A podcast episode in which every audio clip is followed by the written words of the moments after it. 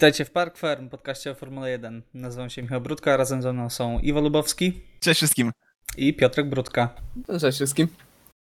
Nareszcie, nareszcie udało nam się e, rozpocząć sezon Formuły 1. E, jesteśmy po e, obfitującym wydarzenia i emocje Grand Prix Austrii. Także może przejdźmy od razu, już nie będziemy absolutnie tutaj przedłużać ani tracić ani jednej sekundy.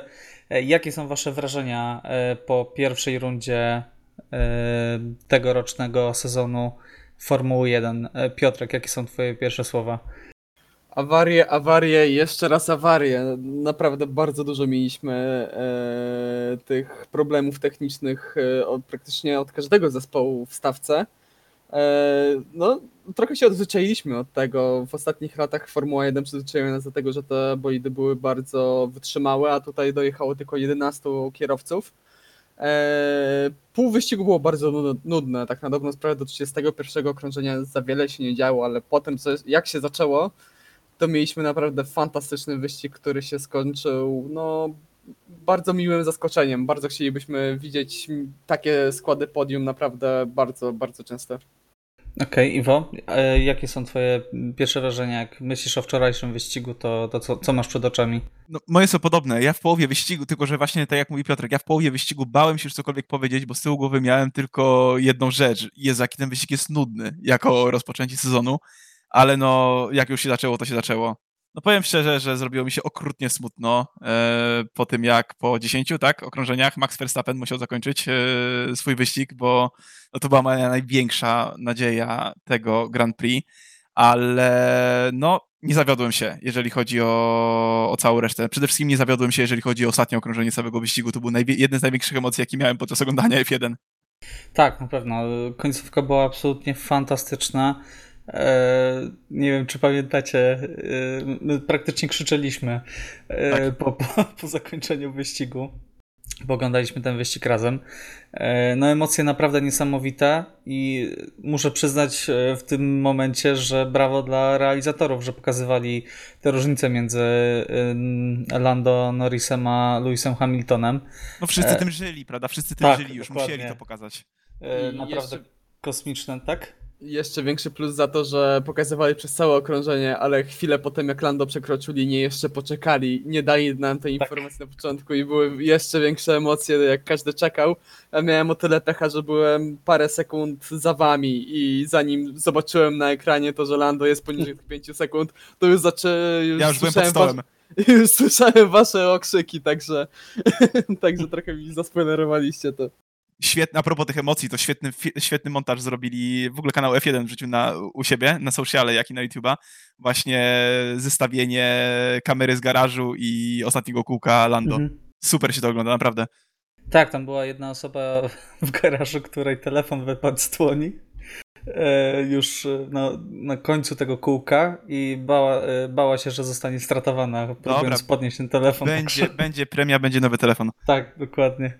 E, także wyścig uratowany przez e, awarię, wyścig uratowany przez e, safety cary.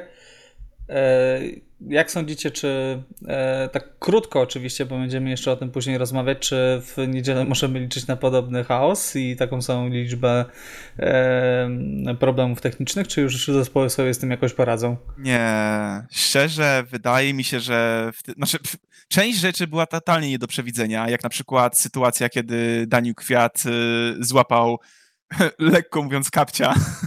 E, ale jak on to później stwierdził, no, że było to niekoniecznie tylko z winy jego, ani takiej samej usterkowości auta, walki ze Stebanem Okonem, e, który go tam troszeczkę zepchnął w środkowym e, sektorze na głęboko w tarkę. I prawdopodobnie to było kwestią, to było, to, to, zamieniło, to była kwestia usterki właśnie u, u Kwiata z całego zawieszenia. Natomiast wydaje mi się, że jeżeli chodzi o resztę aut, przede wszystkim jeżeli chodzi o Hasa, w tym przypadku myślę, że już zamontują hamulce przede wszystkim do bolidów, także wydaje mi się, że takiej usterkowości już nie zobaczymy.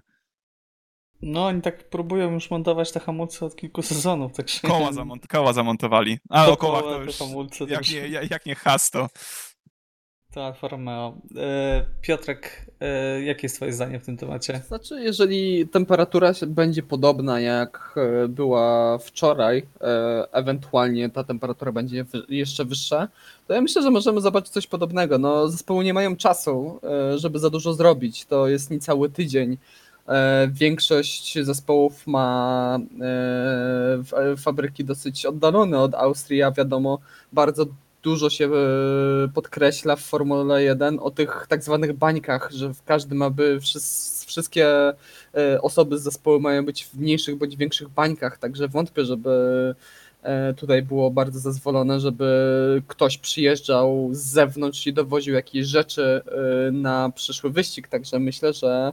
Myślę, że to jest możliwe, wiesz Piotrek, bo nawet, e, przepraszam, że ci przerwałem, ale przypomina mi się informacja, którą podał Williams, że silnik Russella, który ciśnienie paliwa miał awarię, bo jakoś chyba za niskie to ciśnienie, E, został odesłany od razu do, do siedziby zespołu, także te części wędrują, natomiast na pewno jest to utrudnione, nie jest to tak łatwe jak wcześniej.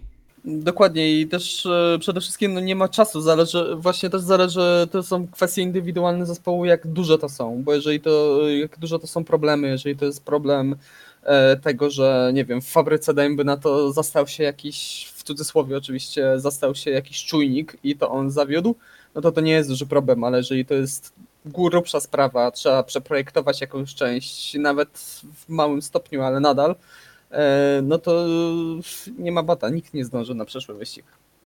Zwłaszcza, że to jest tylko na dobrą sprawę 4 dni, tak? Bo w piątek rano już jeździmy. Dokładnie, dokładnie. E, nie wiem, czy się zgodzicie, ale strasznie memiczny był to wyścig. E, tak. Mieliśmy praktycznie wszystko, co, do czego przyzwyczaiła nas Formuła 1 przez ostatnie lata. Mieliśmy awarię Verstappena, mieliśmy awarię Ricciardo, mieliśmy Grożana, który wypada z toru. E, który mieliśmy... szuka swoich ścieżek dokładnie i to nie raz. Tak, tak, dokładnie. Aż mi się Hiszpania przypomniała. E, mieliśmy Vettela, który zaliczył spina po raz kolejny. Mieliśmy, co jeszcze? Problemy z hamulcami Hasa. Także naprawdę. Płaczącego Luisa. Tak, i płaczącego Luisa, ale myślę, że to już jest taki mm, Klasyk, znak jest... firmowy e, każdego wyścigu Formuły 1. E, także Formuła 1 wróciła w pełni i bardzo się z tego e, faktu cieszymy. Natomiast przejdźmy już tutaj do konkretów. Na pierwszym takim tematem, który zwłaszcza po sobocie tutaj wybrzmiewa, to jest e, fatalna forma Ferrari. E, spodziewaliśmy się to, tego trochę, mówiliśmy przecież tydzień temu, że to Red Bull powalczy z Mercedesem, jeżeli w ogóle ta walka będzie możliwa. O to też na pewno tutaj porozmawiamy. Natomiast nie sądziliśmy chyba, że jest aż tak źle. Bo Ferrari, które nie wchodzi do Q3 w normalnych okolicznościach, no to ja osobiście ciężko mi jest przypomnieć sobie taką, taką sytuację. Ferrari, który dodatkowo nie ma praktycznie żadnego tempa w wyścigu e, i wykorzystuje no, świetnie, o dziwo świetnie wykorzystano całą sytuację, która się na torze zrobiła, tak? Także e, nie wiem, czy, czy słyszeliście, czy czytaliście wypowiedź e, Binotto, który powiedział, że tracą sekundę na okrążeniu, z czego 30 to jest strata w zakrętach, a 70 to jest strata silnika. Także jakbyście to skomentowali, te zapaść Ferrari, e, czy to jest pokłosie ugody z FIA, czy, czy może jakieś inne, czy po prostu błędy konstrukcyjne? Iwo, jakie jest twoje zdanie? No, ja definitywnie jestem zdania, że jest to kwestia, jest to właśnie kwestia umowy z FIA, bo umówmy się, no, te bolidy nie różnią się tak bardzo od zeszłorocznych, to, to jest pierwsza sprawa, a jednak Ferrari musiało dokonać zmian silnikowych, bo inaczej no, w tym sezonie byłaby, to byłaby dopiero drama, gdyby, a, nawet nic o tym myśleć tak naprawdę, bo to już będzie Fantasy League, także to jest kwestia silnika i nawet no, samo stwierdzenie, że to 70 straty na prostych, yy, no myślę, jest tego odpowiednim dowodem. Ferrari, to jest Ferrari, to jest firma, to jest, to, to, to jest stajnia, która produkuje, produkowała przynajmniej najlepsze motory w, w, na gridzie, także no, to musi być to. Zwłaszcza, że jest podobna zapaść w osiągach, jeżeli chodzi o Hasa i e, Alfa Romeo, które Dokładnie. korzystają z silników Ferrari. Piotrek, Jak sądzisz, czy uda się cokolwiek zmienić w tej kwestii Ferrari, czy to, że są zamrożone przepisy rozwojowe, no, wpłynie na to, że będziemy to wiedzieć przez cały rok? Znaczy, jak na moje oko, to nie jest problemem tylko silnik. Oczywiście silnik e, bardzo dużo tutaj zmienił i jest dosyć dużym problemem, bo tak jak już wspomnieliście, wszystkie zespoły, które korzystają z silnika Ferrari, e, straciły w porównaniu do kwalifikacji z zeszłego roku. E, jednakże oglądając onboardy, czy to Charlesa Leclerca, czy to Sebastiana Vettela, no strasznie to wygląda. Naprawdę jak na zespół, który nas przyzwyczaił w ostatnich latach do naprawdę bardzo dobrego, że praktycznie rok w rok mieli bardzo dobry samochód, tak to co to wygląda wręcz bym powiedział tragicznie. Naprawdę to jak ten samochód jest niestabilny, to jak widać, że kierowcy nie mają kompletnie zaufania na dohamowaniu, że dohamowanie nie jest takie płynne, pewne, tylko jest bardziej takie szarpane wyjścia są szarpane. Ja widzę cały czas e, walkę e, Charlesa Leclerca z Lando Norrisem pod sam koniec wyścigu, e, gdzie Charla po prostu strasznie długo po, po wyjściu już z zakrętu cały czas ten bolid mu tańczył na dobrą sprawę. Także ja myślę, że Ferrari zawaliło sprawę nie tyle z silnikiem, ale strasznie zawaliło sprawę z konstrukcją bolidu i ja myślę, że to może być taki sezon w wykonaniu Scuderii jak rok 2014, który skończyli wtedy na czwartym miejscu w klasyfikacji generalnej i myślę, że to może być podobny rok. Tak, był strasznie nadsterowny, tak zapomniałem właśnie dodać. Teraz sobie dopiero przypomniałem tę sytuację e, podczas e, walki z Saincem Leclerca, który dwa razy musiał kontrolować praktycznie przy jednym wyjściu, kontrolować tył dwa razy przy wyjściu z jednego zakrętu. Nie to mówiąc już o pierwszym okrążeniu Fetela, wyglądało to faktycznie strasznie. Też e, Sebastian Vettel mówił, że samochód się strasznie zmienił i w porównaniu do piątku jeździł, jechało mu się o wiele gorzej. E, w zeszłym roku słyszeliśmy wiele razy wypowiedzi u jednego z kierowców na ten temat, e, no ale zobaczymy. Miejmy nadzieję, że Ferrari się pozbiera i dołączy tutaj do tej pierwszej trójki, bo fajnie by było zobaczyć Mercedesa pod, pod naporem innych, innych zespołów. Znaczy, ja martwię się o tyle, że Seb, Seb nawet powiedział coś takiego, że on się cieszy, że się obrócił tylko raz. Bo tak y, fatalnie się prowadził y, ten, ten bolid. No mówię, to, to, było widać na onboardach, to strasznie wyglądało. Mi się za, przypominały onboardy zeszłoroczne Roberta Kubicy w Williamsie. Naprawdę, to wyglądało aż tak źle. Też Binotto dodawał właśnie, że przez zamrożenie przepisów o rozwoju silnika będzie bardzo im ciężko to poprawić, także na pewno najbliższy weekend będzie bardzo trudny dla Ferrari. Myślę, że muszą być niesamowicie zadowoleni po tym, co się stało, czyli po podium Charlesa Leclerca, bo to jest wynik absolutnie ponad stan. E, natomiast e, no, najbliższy weekend na pewno będzie bardzo trudny, a później mamy Węgry, gdzie ma przejść ten pakiet poprawek e, słynny. Jeszcze Mattia Binotto wspomniał, że mają problemy cały czas z korelacją danych między symulatorem a rzeczywistością. Także też tutaj brak zaufania do danych symulatora może powodować to, że ten pakiet poprawek wcale nie musi się sprawdzić na torze. No to już jest stara historia wykonanie Ferrari. Oni chyba już cały zeszły rok narzekali, że mają ten problem e, tej korelacji pomiędzy właśnie symulatorem a, a ty danymi, danymi w, na torze. Także no kiepsko, bo przez naprawdę spory czas e, było słychać, że właśnie ten, e, te poprawki z symulatora, to co kierowcy w symulatorach robili właśnie, czy to z piątku na sobotę, czy z soboty na niedzielę, dawały bardzo dużo Ferrari. I od zeszłego roku słychać, że to przestało funkcjonować, no i widzimy chyba tego trochę pokłosie, że no Ferrari sobie coraz gorzej radzi. E, dobrze, to może zostawmy już Ferrari i przejdźmy do weselszych klimatów. E, przejdźmy do McLarena, ponieważ zaliczyli absolutnie fantastyczny początek sezonu. Lando Norris wyszarpał na ostatnim praktycznie E, zakręcie e, to e, miejsce na podium. Jest trzecim najmłodszym kierowcą na podium w historii w ogóle Formuły 1. Carlos Sainz też zaliczył bardzo dobry występ, piąte miejsce, także McLaren no, pokazuje, że ten taki kolejny krok wykonał, tak? Czy, czy jest to duży krok, czy jest to mały krok, zobaczymy, tak? Bo to tempo też nie było jakieś szalone. E, natomiast jakbyście skomentowali e, to podium e, Lando Norrisa i to, że po pierwszym wyścigu nie Ferrari, nie Red Bull, ale właśnie McLaren jest na drugim miejscu w klasyfikacji konstruktorów. Piotrek, jaki jest tutaj twój komentarz do tego? No nic tylko się cieszyć, że McLaren podtrzymuje, a nawet polepsza swoją formę z zeszłego sezonu.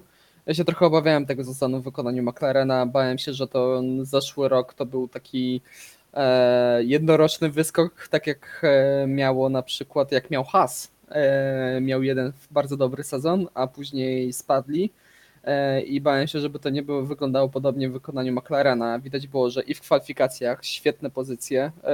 Lando Norris był na czwartym miejscu, się zakwalifikował, koniec końców startował z trzeciej lokaty. Także naprawdę nic tylko się cieszyć, a to ostatnie kółko w wykonaniu Lando Norrisa naprawdę czapki z głów to było coś, coś niesamowitego. Iwo, zgadzasz się? Czy sądzisz, że McLarena stać tutaj e, jeszcze na więcej, czy, czy jednak to też był trochę wynik ponad stan, jakby nie patrzeć? Znaczy, czy ponad stan?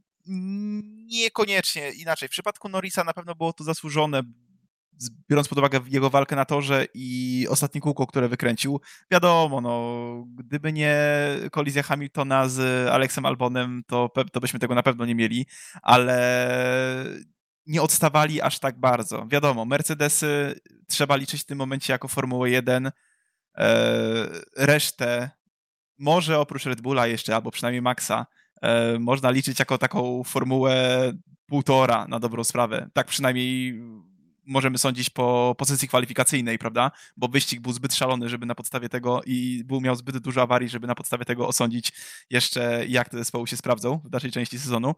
Ale było to zasłużone. Jednak czwarte miejsce, a trzecie pole startowe ostatecznie uważam, że inaczej, powiem to w ten sposób.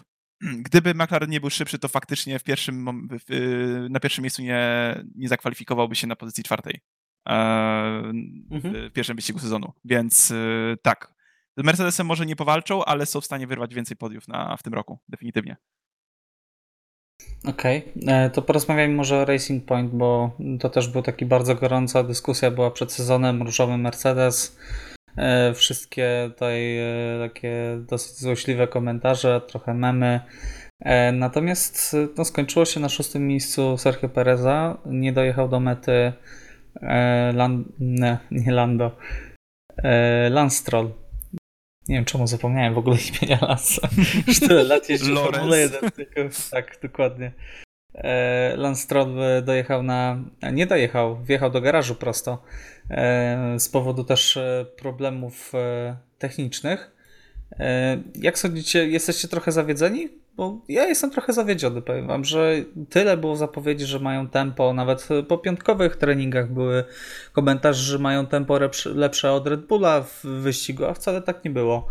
E, jak, sądzicie, czy to było spowodowane tym, e, tą wysoką temperaturą i tym, że musieli uważać e, i potencjał jeszcze zobaczymy Racing Point, czy, czy to jednak jest jakiś, będzie jakiś stały, stały trend?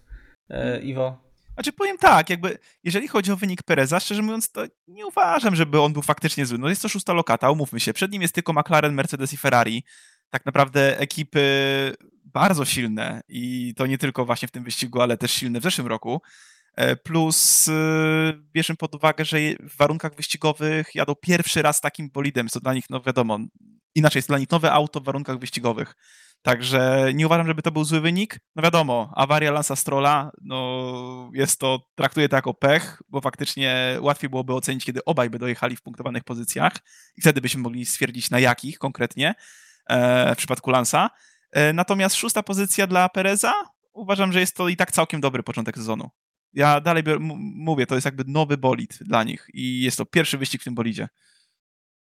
No, pierwszy wyścig, zwłaszcza, że ten bolid y, był tworzony na podstawie zdjęć, także to też musieli sprawdzić, czy wszystko odpowiednio zadziała. Tak jest, czy się dobrze wszystko przeskalowało. tak, dokładnie. Piotrek, e, zgadzasz się z opinią Iwo? Znaczy, mi się wydaje dosyć podobnie, że to nie jest wielkie rozczarowanie, bo wydaje mi się, że naj, najbardziej mieli problemy właśnie z kwestią silnika, a bardziej tego czujnika skrzyni biegów, e, który zarówno był problemem e, dla Racing Point, jak i właśnie dla samego Mercedesa. E, no Lance pechowo szybko skończył wyścig, a Sergio Perez raz wspomniana już przed sekundą przeze mnie problemy z czujnikiem oraz myślę, że strategia tutaj. Racing Point wybrało swoją strategię dając mu pod safety carem opony średnie i z tego co pamiętam później mu chyba nie wymienili tych opon. Tak, jechano na starych e, oponach. Dokładnie, a na przykład e, Alex Albon no, dostał świeże, miękkie opony no i mógł prawie wygrać wyścig, także myślę, że gdyby tutaj Racing Point postąpiło podobnie, wymieniło opony, nawet niekoniecznie na miękkie, ale na e, znowu na pośrednią mieszankę, E, myślę, że to Sergio Pereza moglibyśmy oglądać na podium.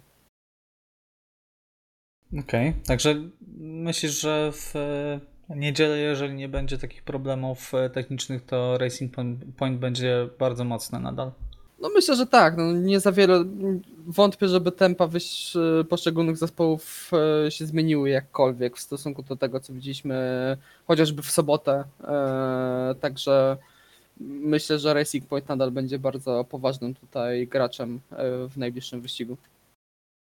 Okay. Na pewno Racing Point i McLaren mają więcej szans na podium w tym roku, jak kiedykolwiek wcześniej, uważam. No nie kiedykolwiek, jeżeli chodzi no, o McLarena to... Dobrze, to umówmy się może na, na, w ostatnich, na ostatnich trzech lat, trzech, czterech lat. Okej. Okay. E, tak już rozmawiamy o szansach na podia, e, to porozmawiajmy o Mercedesie. E, Mercedes w nowym malowaniu, już nie srebrne strzały. E, Mercedes w niesamowitym tempem kwalifikacyjnym. Mercedes używający systemu DAS, który został uznany już chyba ostatecznie przez FIA za legalny. E, czy ktokolwiek jest e, waszym zdaniem e, w stanie pokonać Mercedesa, skoro na tak krótkim torze mieli tak dużą przewagę i gdyby nie problemy techniczne, to pewnie dojechaliby z 30-40 sekundami przewagi nad trzecim, trzecim kierowcą. Iwo, jak sądzisz, jest ktoś w stanie pokonać Mercedesa? Czy muszą no. wystąpić po prostu jakieś, jakieś problemy techniczne? Teraz jest to jeszcze bardziej widoczna przepaść jeszcze niż rok temu, tak naprawdę. A więc nie spodziewam się, żeby ktoś byłby w stanie realnie im zagrozić, chyba że ze względu na jakieś ewentualne usterki. A jako, że nie mieliśmy tych usterek w Austrii, to obawiam się, że może być ciężko ich pokonać, naprawdę. Bo sytuacje tego typu, jaka miała miejsce tutaj, czyli prawda, Lewis dostający karę za kolizję z, znowu z Albonem, to nie są sytuacje częste. Więc no, nie przyzwyczajałbym się raczej zbyt często do zajmowania pierwszych dwóch pozycji przez innych kierowców niż y, Bottas i Hamilton. Zwłaszcza, że w Austrii nie byli szybcy rok temu, tak? Oj, nie, bardzo nie. A teraz mieli skręcone silniki. Tak, dokładnie. Przez połowę wyścigu jechali ze skręconym silnikiem i na dobrą sprawę mieli 10 sekund przewagi nad... Unikali, tak jest, unikali optymalnej linii również, prawda? Musieli unikać tarek, tak. także, a w Austrii one są szalenie istotne, więc yy, no, może być szalenie ciężko. Piotr, czy ty taki pesymistyczny jesteś? Czy jednak widzisz jakąś nadzieję? Niestety również tutaj podzielę zdanie Iwo i no, mi się przypomina rok 2014, e, gdzie wtedy Mercedes miał no, kolosalną przewagę. E, no i tutaj widzimy to samo. No panowie, on, Mercedes odstawił Maxa Verstappena na pół sekundy w sobotę w kwalifikacjach. Na tak krótkim torze. No to jest gigantyczna, e, gigantyczna przewaga. E, no i to, co mówiliście, no oszczędzając silnik, unikając starek, e, jadąc tak na dobrą sprawę na w 3 czwarta, może i nawet i połowę swoich możliwości byli w stanie zostawić Alexa albo na, na 10 sekund. E, także no to jest przytłaczająca przewaga i jedyne, jak na razie jedyna szansa na to, że Mercedes nie będzie zdobywał dwóch, nie będzie zdobywał dupletów za dubletem, e, będzie to, że będą mieli jakieś awarie, no po prostu. Tropikalna pogoda nad Europą musi zapanować na, w każdą niedzielę wyścigową. A malowanie im nie ułatwia tego jej sprawy, także wysokie temperatury będą mi sprawiały problemy, co też e, przyznali rację inżynierowie, że ta, ten pomysł e, z, ze zmianą e, koloru na czarny e, nie był dla nich, e, nie ucieszyli się z tego powodu. Mówili, że mogą mieć jeszcze większe problemy właśnie z przegrzewaniem się jednostki napędowej. No nie wygląda. Zobaczymy. Ja jestem bardzo ciekawy, e, bo myślę, że tutaj e, głównie sprawa mistrzostwa no jednak będzie między Hamiltonem a e, Bottasem. Punkt pierwszy dla, dla Walteriego. Natomiast jeżeli chodzi o tą ilość awarii, o której rozmawialiśmy już na samym początku, jak sądzicie, czy to jest po prostu pokłosie tego, że mieliśmy dosyć specyficzne warunki, E, i były fabryki zamknięte też e, przez e, ponad dwa miesiące, mieliśmy opóźniony sezon.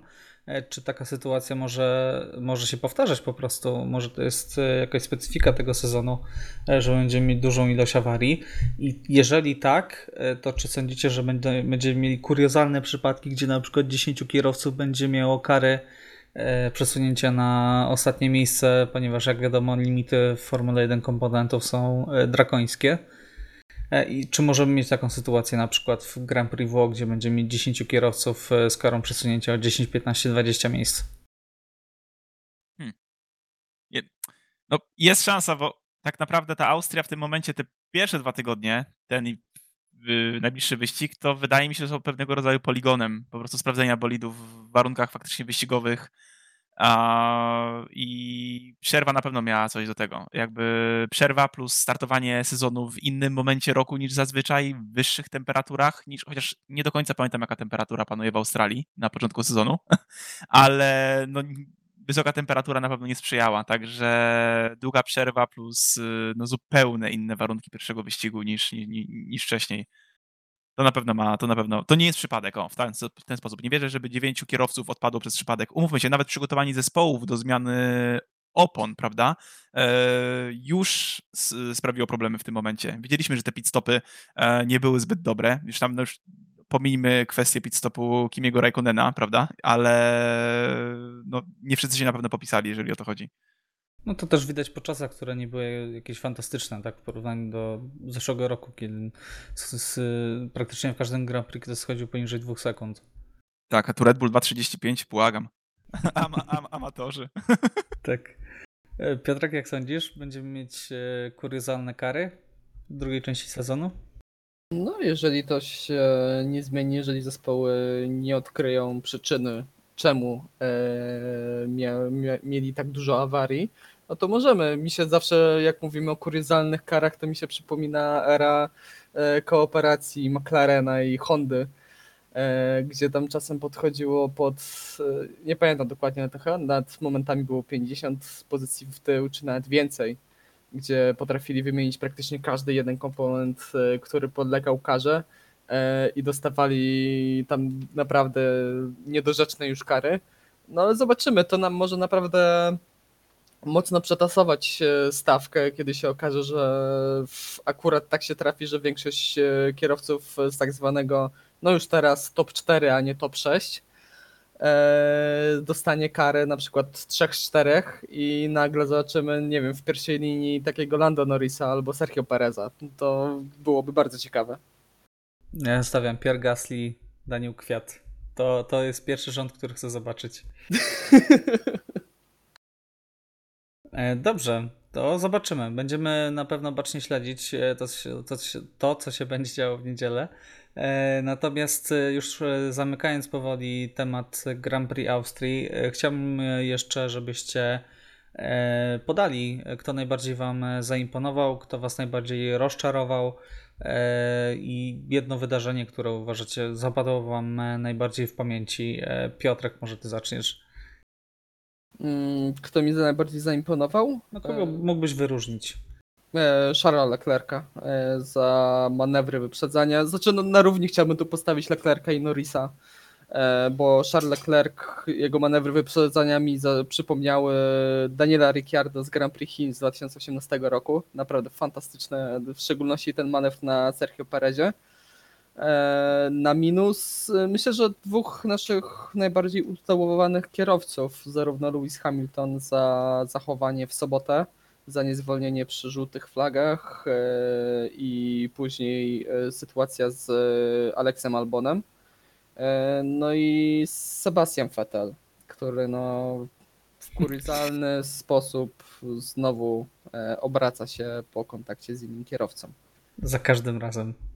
Tak, to już, jest, to już jest przykre, to już naprawdę mnie to zaczyna smucić bardziej niż bawić. E, a jeszcze taki szybki wkręt ode mnie. E, WTF1 napisało artykuł o tym, e, że niekoniecznie Louis powinien dostać karę.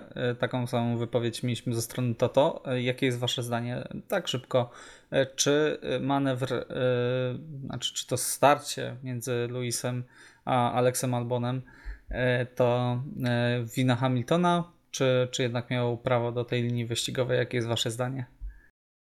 Czy moim zdaniem, e, ja to już między nami tutaj wiele razy wygłaszałem, ja nie rozumiem naprawdę e, przeświadczenia, że jeżeli kierowca jest po wewnętrznej, to może zrobić wszystko. Że jak on sobie wiedzie na wewnętrzną, to może z każdej pozycji atakować i może wypchnąć kierowcę, który jest przed nim, tylko dlatego, że jest po wewnętrznej.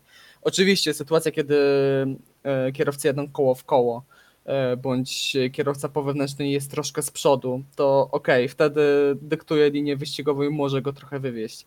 No ale Alex Albon był więcej niż połowę samochodu E, przed Lewisem Hamiltonem. To pierwsza sprawa. E, a druga sprawa, też widziałem takie tłumaczenie na Twitterze wielu fanów Lewisa Hamiltona, że Hamilton miał na maksa skręcone koło e, kierownicę w prawo, no i nie mógł bardziej odbić. Okay. No to przepraszam bardzo, ale jak nie mógł bardziej odbić ze względu na e, skręt kierownicy, no to niech odpuści gaz albo trochę zahamuje. To jest sześciokrotny mistrz świata Formuły 1 i chyba powinien wiedzieć, jak się zachować w takiej sytuacji. Jeździ w tym sporcie od 13 lat. A naprawdę to było zachowanie. No, widzieliśmy identyczny manewr. Dokładnie, walkę Lando Norris i e, Charles Leclerc. Jeden ma, to, dla jednego to jest trzeci rok w Formule 1, dla drugiego to jest drugi rok w Formule 1. Jakoś przejechali czysto, jakoś się dało. A to był lustrzany manewr. Tak, dokładnie, sprawę. bo też Charles Leclerc e, atakował od zewnętrznej. E, też był z przodu i praktycznie jak zobaczyłem to praktycznie w identyczny sposób jak Alex Albon wyjechał z tego zakrętu. Także 5 y, sekund, ja myślę, że nawet można było dać więcej. Okej, okay, Iwo, jakie jest twoje zdanie? Zgadzasz się z Piotrkiem? Znaczy, im dłużej oglądałem e, ten incydent tam pokazywany z różnych kamer, z różnych onboardów, to rozumiem, dlaczego jest on tak problematyczny, bo on faktycznie jest y, bardzo blisko między karą a incydentem wyścigowym. Yy, jasne, Lewis Hamilton miał wewnętrzną, to może być grać troszeczkę na jego korzyść. Z drugiej strony wiedział, że ma yy, Albona na swojej wysokości w momencie składania się do zakrętu, a nawet Albona przed sobą na wyjściu z zakrętu. I doświadczenie Hamiltona działa tutaj szale bardzo na jego niekorzyść, bo Albon miał po prostu ogrom przyczepności na miękkiej mieszance, co widzieliśmy, bo ja nie wierzyłem w to, że ten manewr wyjdzie po zewnętrznej, po, na tym zakręcie. Yy, natomiast no, miękka mieszanka tutaj zrobiła robotę, ale no nie wiem, czy się tego nie spodziewał, co oczywiście w żaden sposób go nie usprawiedliwia, ale tak, yy, powinien wiedzieć, co się może stać, kiedy ma kierowcę w Red Bullu obok siebie na lepszej mieszance. Także działa to na niekorzyść Hamiltona. Ja, się, ja jestem za karą jak najbardziej, ale rozumiem, dlaczego niektórzy mogą uważać, że podchodzi to troszeczkę pod incydent wyścigowy. Znaczy... No ja właśnie nie do końca tego, tego rozumiem takiego tłumaczenia, a jeszcze najbardziej mnie wkurza tłumaczenie typu, no ale po co wyprzedzał w tym zakręcie, skoro mógł poczekać na następne okrążenie i na strefę DRS. To jest opony, ręce opadają, jak tak. słyszę coś takiego. To, to pokazuje, opony, sa, opony same się zregenerują. To swoją drogą pokazuje, jak bardzo system DRS wypaczył trochę ten sport, że nawet fani już zaczynają doradzać, powiedzmy w cudzysłowie oczywiście, doradzać kierowcom, poczekaj na DRS, miniko na prostej. No, tak. Y, tego nie chcemy oglądać. Ktoś, ktoś wrzucił właśnie w odpowiedzi na taką wypowiedź y, film z Senną, który mówi, że jeżeli widzisz miejsce i nie, nie wierzysz w to miejsce, to nie jesteś już duży kierowcą wyścigowym. Oj, nie, ten cytat jest strasznie nadużywany, tak. ale tutaj, e, ale, ale tutaj, tutaj, pasuje. Tutaj pasuje. Ja też chciałbym przytoczyć jedną sytuację, Fetel wziął którą, go do serca w tym wyścigu. Tak, e, którą przypomniał e, pan Mikołaj Sokół. E, konf, kontakt pomiędzy Sebastianem Fetelem a Robertem Kubicą z 2009 roku. E, wiem, że dosyć stara sytuacja. Bolesne wspomnienie. Bardzo bolesne wspomnienie. Walka o drugą pozycję również. E, I wtedy Robert atakował od zewnętrznej, e, też był z, przodu. E, Sebastian Vettel był teoretycznie po wewnętrznej i wjechał w bok Polakowi. I jakoś wtedy, 11 lat temu, sędziowie uznali bez problemu, że to była wina Sebastiana Vettela. I on chyba dostał wtedy 10 pozycji na starcie tak, do kolejnego dostał Grand 10 do, y, pozycji na starcie do kolejnego Grand Prix. Y, inna to sprawa... w tamtych czasach było dużo bardziej bolesne niż teraz, trzeba to zauważyć. Tak, y, ale też wtedy kary było o wiele bardziej bolesne. Myślę, że połowę kontaktów, jakie mamy dzisiaj, to te 10 lat temu kończyło się karą przejazdu przez aleję serwisową. To bo też in, prawda. Bo innej kary wtedy nie było. Było stop and go, które było jeszcze gorsze 10 sekund i tyle. I to były dwie kary, jakie kierowca mógł dostać w trakcie wyścigu. E, co no po prostu dla mnie to jest niezrozumiałe. No. Mówimy tutaj o sześciokrotnym mistrzu świata, a nie o debiutancie, który jeszcze, jeszcze nie do końca potrafi się zachować w tak szerokim, w tak szybkim bolidzie w walce w koło w koło. Mhm. Okej, okay. czy macie coś jeszcze do dodania tej, do, do tej sytuacji? Ech. Dobrze, dobrze, to możemy wrócić do, e, zakończyć dygresję e, i wrócić do, e, do wyróżnienia osoby. E, Iwo, e, kogo byś wyróżnił? Kto był dla ciebie rozczarowaniem? E, jaka była sytuacja, którą najbardziej zapamiętałeś? Czy to właśnie było, była ta sytuacja Hamiltona z Albonem? Szczerze mówiąc, y, dla mnie chyba taka najbardziej, najfajniejsza sytuacja to było wyprzedzenie Pereza przez y, Lando Norrisa, przez Lando Norrisa, y, bo pokazało, że też potrafi jeździć agresywnie. W sensie wystarczająco agresywnie, bo zaczął się rozpychać, wiedząc, że ma szansę zyskać jeszcze jedną pozycję. E, zresztą chyba nawet wtedy jeszcze nie było potwierdzenia kary Hamiltona, tak mhm. naprawdę. Mm -hmm. Dopiero po chwili ona się pokazała. Wiadomo, oni już no, ale łokcie wiedzieć, poszły w ruch. Ale łokcie poszły w ruch i szczerze mówiąc, jakby to jest ruch, który mi się podobał. Tak samo jak rok temu nie uważałem, żeby Verstappen zrobił coś strasznego na Charlu, tak w tym momencie podobało mi się, jak Lando faktycznie zawalczył o swoje i no, leciał po swoje bardzo, bardzo, bardzo ładne punkty w, w debiucie tego sezonu, o, tak, tak to nazwę. Także ten manewr mi się bardzo podobał no nie będę oryginalny mówiąc, że występ Lando, no, Lando ogólnie był dla mnie kierowcą, kierowcą wyścigu, e, bo niewielu tych kierowców zostało tak naprawdę. Ciężko jest mi ocenić negatywnie innych kierowców, którzy odpali nie ze swojej winy. Naprawdę, to jest szalenie trudne. e, więc e, Lando, a jeżeli chodzi o rozczarowanie, no to Sebastian Vettel jednak, bo wiem, że bardzo duża część z tego to jest samochód, który definitywnie nie wyszedł im na początek tego sezonu, ale jednak e, atak na, skierowany w stronę Carlosa Sainza, no nie wiem, gdzie mógł spodziewać się tam miejsca, tak naprawdę. Nie, nie wyobrażam sobie tego. Strasznie amatorsko to wyglądało. Tak, jakby tak. Strasznie. wydaje się, że on by pewnie byłby w stanie to zrobić w starym bolidzie, gdyby miał faktycznie większą moc, Y, miałby, nie miałby... No, był takiej, daleko. Nie miałby takiej podsterowności, e, nadsterowności chyba nawet tutaj. E, I, I tak, był za daleko, no, ale no, nie dysponuje tą samą mocą.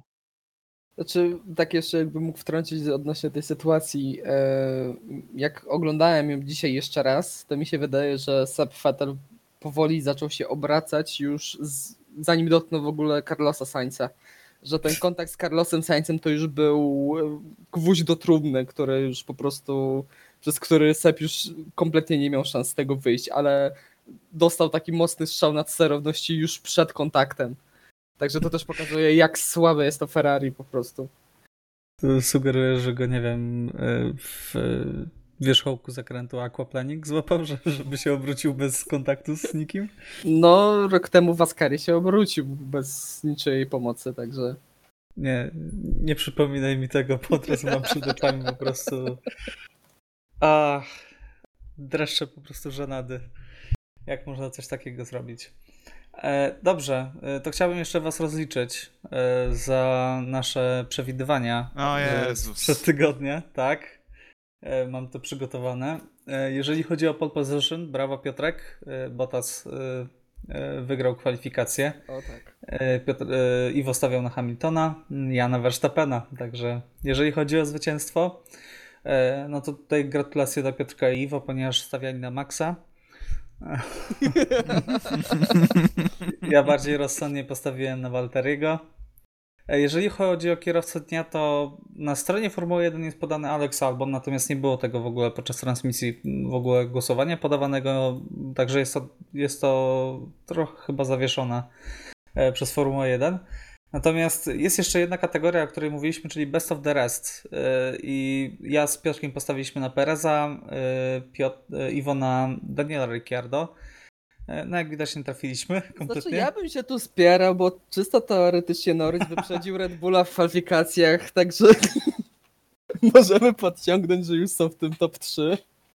Znaczy myślę, że tego Best of the Rest to już, to już ciężko będzie wskazać. Tak, tak, to, to jest akurat fajne. No, znaczy możemy... Ferrari, uznać... Best of the Rest. Najlepszy zespół środka sta... Nie, dobra. Okej, okay, dobrze. Także... Yy na razie w takiej, jeżeli chodzi o position i zwycięstwo, no to ja i Piotrek mamy po jednym trafie. Iwo musisz popracować nad swoimi tutaj przewidywaniami. Tak. E, dobrze, mamy jeszcze jeden temat, e, który, temat, który dzisiaj wypłynął e, i który jest dość ciekawy, ponieważ w końcu okazuje się, że mają, ma być ogłoszony nowy kierowca Renault w tym tygodniu, najprawdopodobniej w środę. E, I jest to ponoć kierowca, przynajmniej tak Cyryl powiedział e, mechanikom, że jest to kierowca, z którym już pracowali. Także na kogo stawiacie? Czy będzie to Fernando Alonso? E, czy to będzie Robert Kubica? Bo też przecież jeździł w Renault. Czy to będzie Nico Hulkenberg? E, który no przecież nie najlepiej się rozstał, w nie najlepszych relacjach się rozstał z, e, z Renault w zeszłym roku. Na kogo stawiacie, Piotrek? Na kogo stawiasz? Może Sergiej Sirotkin w sumie jest od dwóch lat i był wcześniej kierowcą. To byłby ciekawy powrót. E, a znając Cyrila i jego huczne zapowiedzi i to jak się później te huczne zapowiedzi kończą, to jest to dosyć prawdopodobne. Znaczy no bardzo dużo wskazuje na to, że to będzie Fernando Alonso mimo wszystko i będę dosyć zdziwiony, jeżeli to nie będzie Fernando Alonso. Eee, ale ale nie wiem, nie jestem co do tego przekonany. Mnie też, e, szczerze powiedziawszy, Renault dosyć mocno rozczarowało, jeżeli chodzi o ten weekend. Spodziewałem się od nich mimo wszystko więcej, tym bardziej biorąc pod uwagę te analizy przedsezonowe z testów, to niestety tutaj trochę zawodzą i, i szczerze powiedziawszy, kto by nie wsiadł do tego bolidu, jeżeli Renault się nie weźmie w garść, ewentualnie jeżeli nie zwolnią pana Cyrila, to za wiele to nie zmieni. Okej, okay, Piotrek, bardzo taki rozczarowany jesteś. Zawiodłem się, naprawdę, bo ja liczę już drugi sezon, drugi początek sezonu liczę, że Renault naprawdę się podniesie i zacznie walczyć o coś poważniejszego, a na dobrą sprawę tylko McLaren walczy o coś poważniejszego, biorąc pod uwagę, że mają te same jednostki napędowe. Okej, okay. Iwo, jakie jest twoje zdanie? Będzie y, powrót Alonso czy Heiniko? Głupia sprawa w sumie. Nie, właśnie z tego względu, właśnie z tego względu bardziej prawdopodobny wydaje mi się powrót Alonso. Plus yy, będąc w sytuacji, w jakiej są już nie pierwszy sezon, wydaje mi się, że chcą liczyć na porady weterana faktycznie, no bo ciężko mi to inaczej ująć, bo muszą mu zaproponować bardzo sporą kasę, bo z własnej, z własnej, tak, z własnej nieprzymuszonej woli i czystej chęci raczej nie wsiadłby do bolidu takiego faktycznie środka stawki. I mimo wszystko wydaje mi się, że faktycznie mogli go bardzo mocno przekupić. Co nie zmienia faktu, że PR-owo, prawda, no to byłaby rewelacja, to byłby po prostu kos, to byłby kosmos. Także mogą zrobić szał. E, mogą zebrać sponsorów, mogą zebrać jeszcze większe pieniądze, chociaż wiadomo, że mają chyba tam miliardy dolarów. No, dostali dofinansowanie od rządu francuskiego. Dokładnie. Także, no Alonso wydaje mi się najbardziej prawdopodobny. Nie, żebym był jakimś superfanem tej decyzji.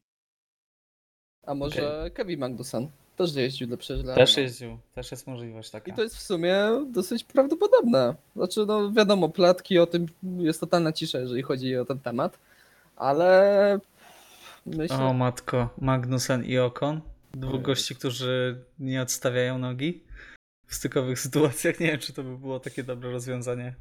Chociaż Magnussen jest już naprawdę doświadczonym kierowcą. Już jeździ kawał czasu w Formule 1, także w porównaniu do Okona na pewno tego doświadczenia ma więcej. Nie widać za bardzo, że powiedziawszy. bardzo często po Kevinie. No jak hamulce mu nie działają co drugim Grand Prix. Aj, to swoją drogą to jest straszne, naprawdę. No, także e, zostawmy może już w spokoju e, ten temat. Y, porozmawiajmy trochę o tym, co będzie w ten weekend, ponieważ e, uwaga, uwaga, mamy kolejny wyścig w niedzielę. Mamy kolejne kwalifikacje w e, sobotę.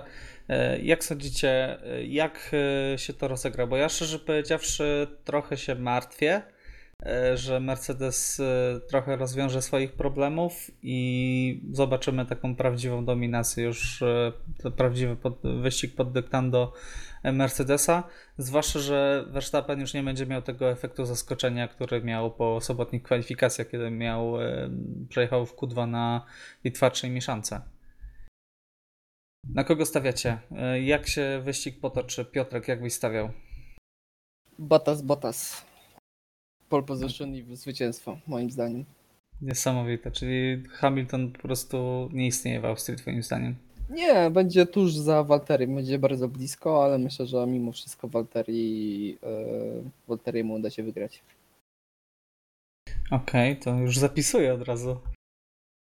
To jest ciekawe, Botas, Botas. E, Iwo, jak sądzisz? Mi się wydaje, że Hamilton wywalczy pole position, ale ostatecznie Botas może wygrać, tak bym stawiał. Okej, okay. bardzo bezpiecznie, jeden i drugi. Mm. Mhm. Ja już się przejechałem, ja muszę jakiś zdobyć najpierw, potem pogadamy. Okej, okay. E, ja jeżeli chodzi o pole position postawię też na Hamiltona. Ale bezpieczny wybór. E, natomiast w wyścigu na Verstappena. Myślę, że możemy coś zobaczyć, jeżeli będzie bardzo gorąco, albo jeżeli będzie padać, bo równie dobrze może też tak być. To byłaby ciekawa odmiana, bo na dobrą sprawę też jestem ciekaw tempa, yy, czy popra- zostanie poprawiony w sobotę ten czas z kwalifikacji, yy, bo jednak zespoły mają dużo więcej danych teraz po wyścigu i na pewno, yy, przynajmniej no, teoretycznie powinny się poprawić jeszcze, tak, jeżeli chodzi o ustawienia, też pod względem wyścigu Także to też jest ciekawa kwestia. Y, sądzicie, że będziemy mieć nudniejszy wyścig w niedzielę? Znaczy możliwe, bo jeżeli dobrze pamiętam, to wielkim urozmaiceniem, jakie miała przygotować nam Formuła 1 na ten właśnie podwójny wyścig, jest to, że mają być e, twardsze mieszanki opon. Aha, okej. Okay. E, znaczy, tak mi się wydawało, że na początku był ten pomysł właśnie z wyścigiem kwalifikacyjnym, e, to to powiedział nie no to włodarze Formuły 1 wymyślili inny, bardzo ciekawy sposób e, na urozmaicenie e, widowiska. E, znaczy, to jest informacja do potwierdzenia, ja nie jestem to jest w 100% pewien, ale tak mi się wydaje, że mają być twardsze opony, tak i co za tym idzie, wydaje mi się, że te czasy się raczej nie poprawią. Mm, wiesz co, już to sprawdzam. Takie same. A, no to nawet tego nie zrobili. No dobrze. Takie same będą zarówno teraz w ten weekend, jak i w Budapeszcie. Także będą mieli naprawdę bardzo dużo danych na, na temat mieszanek C2, C3 i C4 e, po, czy, po tych trzech pierwszych weekendach. E, jak sądzicie, czy, czy właśnie. Bo pierwszy raz będziemy mieć taką sytuację, tak, że będziemy mieć e, wyścig na jednym torze, w, dwa wyścigi na jednym torze, tak, w jednym roku. Czy, czy będzie w jakiś sposób może to namieszać zespołom, czy po prostu podejdą do tego jak do kolejnego Grand Prix? Znaczy, mi się wydaje, że to będzie o tyle ciekawe, że faktycznie będzie można porównać dane z, z poprzedniego weekendu, prawda? Y, mhm. Kwalifikacje wydaje mi się, że będą z tego względu ciekawe, że zobaczymy, czy wiadomo, że nie zrobili poprawek mechanicznych, prawda, ale jednak e, kierowcy zebrali swoje dane, teamy zebrały przede wszystkim swoje dane a propos ustawienia bolidu, bo to jest coś, nad czym będą pracować, e, żeby aż tak bardzo pewne teamy nie odstawały i wydaje mi się, że bardziej pod kątem porównania ten wyścig będzie ciekawy. Może widowisko nie będzie tak dobre jak otwierający wyścig, który zawsze ma jakiś tam swój efekt wow, mimo że potrafi nie być ciekawy, ale wiadomo, no, z tęsknoty do formuły. E, wydaje mi się, że przede wszystkim nie będzie tylu usterek mechanicznych. Jakby wydaje mi się, że tutaj będzie dużo drobnych poprawek wprowadzonych do bolidów, które mogą zrobić prawda, doraźnie i przez to wyścig będzie ciekawszy, bo zobaczymy walkę o różne miejsca, a nie tylko 11 kierowców dojeżdżających do mety. Faktycznie. Okej. Okay. Piotrek, masz e, jeszcze coś do dodania w tej kwestii? Myślę, że nie. Okej. Okay. To myślę, że możemy kończyć, chyba że jeszcze chcecie coś powiedzieć, e, coś rzucić od ciebie na sam koniec. Niech pada deszcz i będę się Oj, tak. Tak, niech wymiesza stawkę y, zupełnie. Chociaż nie, bo Mercedes będzie strasznie z przodu, także niech będzie gigantyczny upał. Nikt nie dojedzie. Niech będzie 36 stopni temperatury powietrza. Ale tylko w Austrii, nie w Polsce, proszę. Pełne słońce. Okej, okay, dobrze. Nie przedłużajmy już, y, bo już y, prawie, prawie godzinę rozmawiamy. E, ponad 50 minut, także myślę, że już wystarczy rozmawiania na dzisiaj. E, słyszymy się pewnie za tydzień. Mam nadzieję, że ten wyścig będzie równie emocjonujący co druga część e, wczorajszego. Natomiast o Grand Prix Austrii rozmawiali Iwo Dubowski. Dzięki, cześć. Piotrek Brudka. Dziękuję bardzo. I Michał Brudka. Trzymajcie się, do usłyszenia.